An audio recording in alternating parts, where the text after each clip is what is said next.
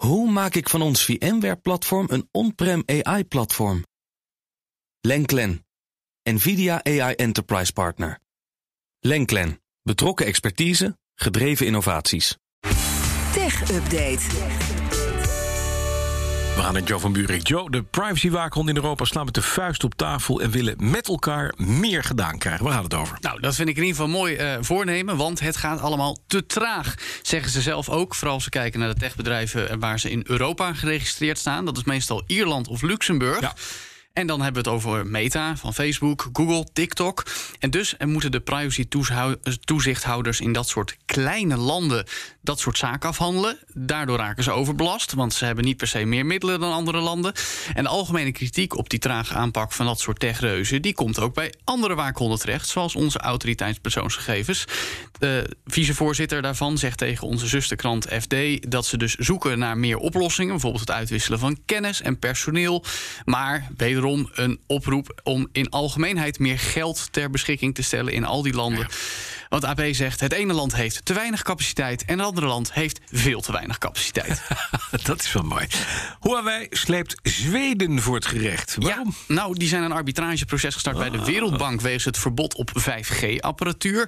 Volgens het Chinese bedrijf uh, is daarmee de investering die het bedrijf in het land gedaan heeft aanzienlijk geschaad en in strijd met internationale verplichtingen. Nou, wat er dan precies allemaal speelt, is niet helemaal duidelijk. Maar volgens de Zweedse publieke omroep wordt er een schadevergoeding geëist van een half miljard euro. Uh, Zweden was na het Verenigd Koninkrijk het tweede land in Europa dat Huawei's apparatuur verbood voor de aanleg van het 5G-netwerk. In de VS staat Huawei op de zwarte lijst wegens vermeende spionage. In Nederland is het niet toegestaan in de kern van ons 5G-netwerk. Um, ehm, en in Zweden moet reeds geïnstalleerde apparatuur van Huawei nog voor 2025 verwijderd worden.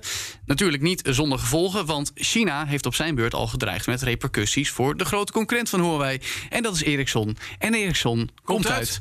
Zweden. Bedankt. Het is geen toeval. en dan Lamborghini lanceert zijn eigen diepe zucht. FD. Hele diepe zucht. Het is een non-fungible token. Precies. Nou, dat is het werk van een kunstenaar uit Zwitserland, Fabian ja. Uffner.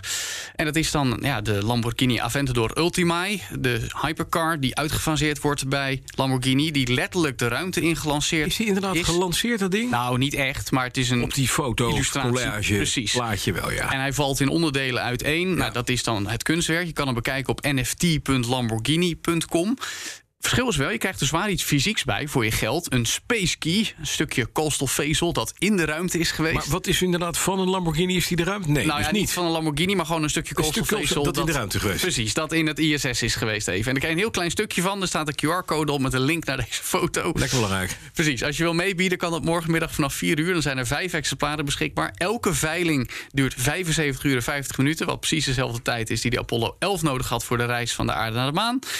Ja, ik vraag me af of je daar je geld aan moet besteden. Maar het zal ongetwijfeld voor tonnen gaan. Ik zou die tonnen in een fysieke Lamborghini Ik ook, ja. In het, in, als je nu toch eruit Mooie huren kan. Aventador. Aventador nu nog kan. Ja, nu nog kan. Het eerste weekend na de afgelopen lockdown was goed nieuws voor de bioscopen. En vooral dankzij één bepaalde superheld. Ja, en dus is vandaag, deze dag voor mij ook... Spider Monday. Spider Monday. Spider Monday, ja, hoor. En ik was niet de enige, met, met mij nog 199.999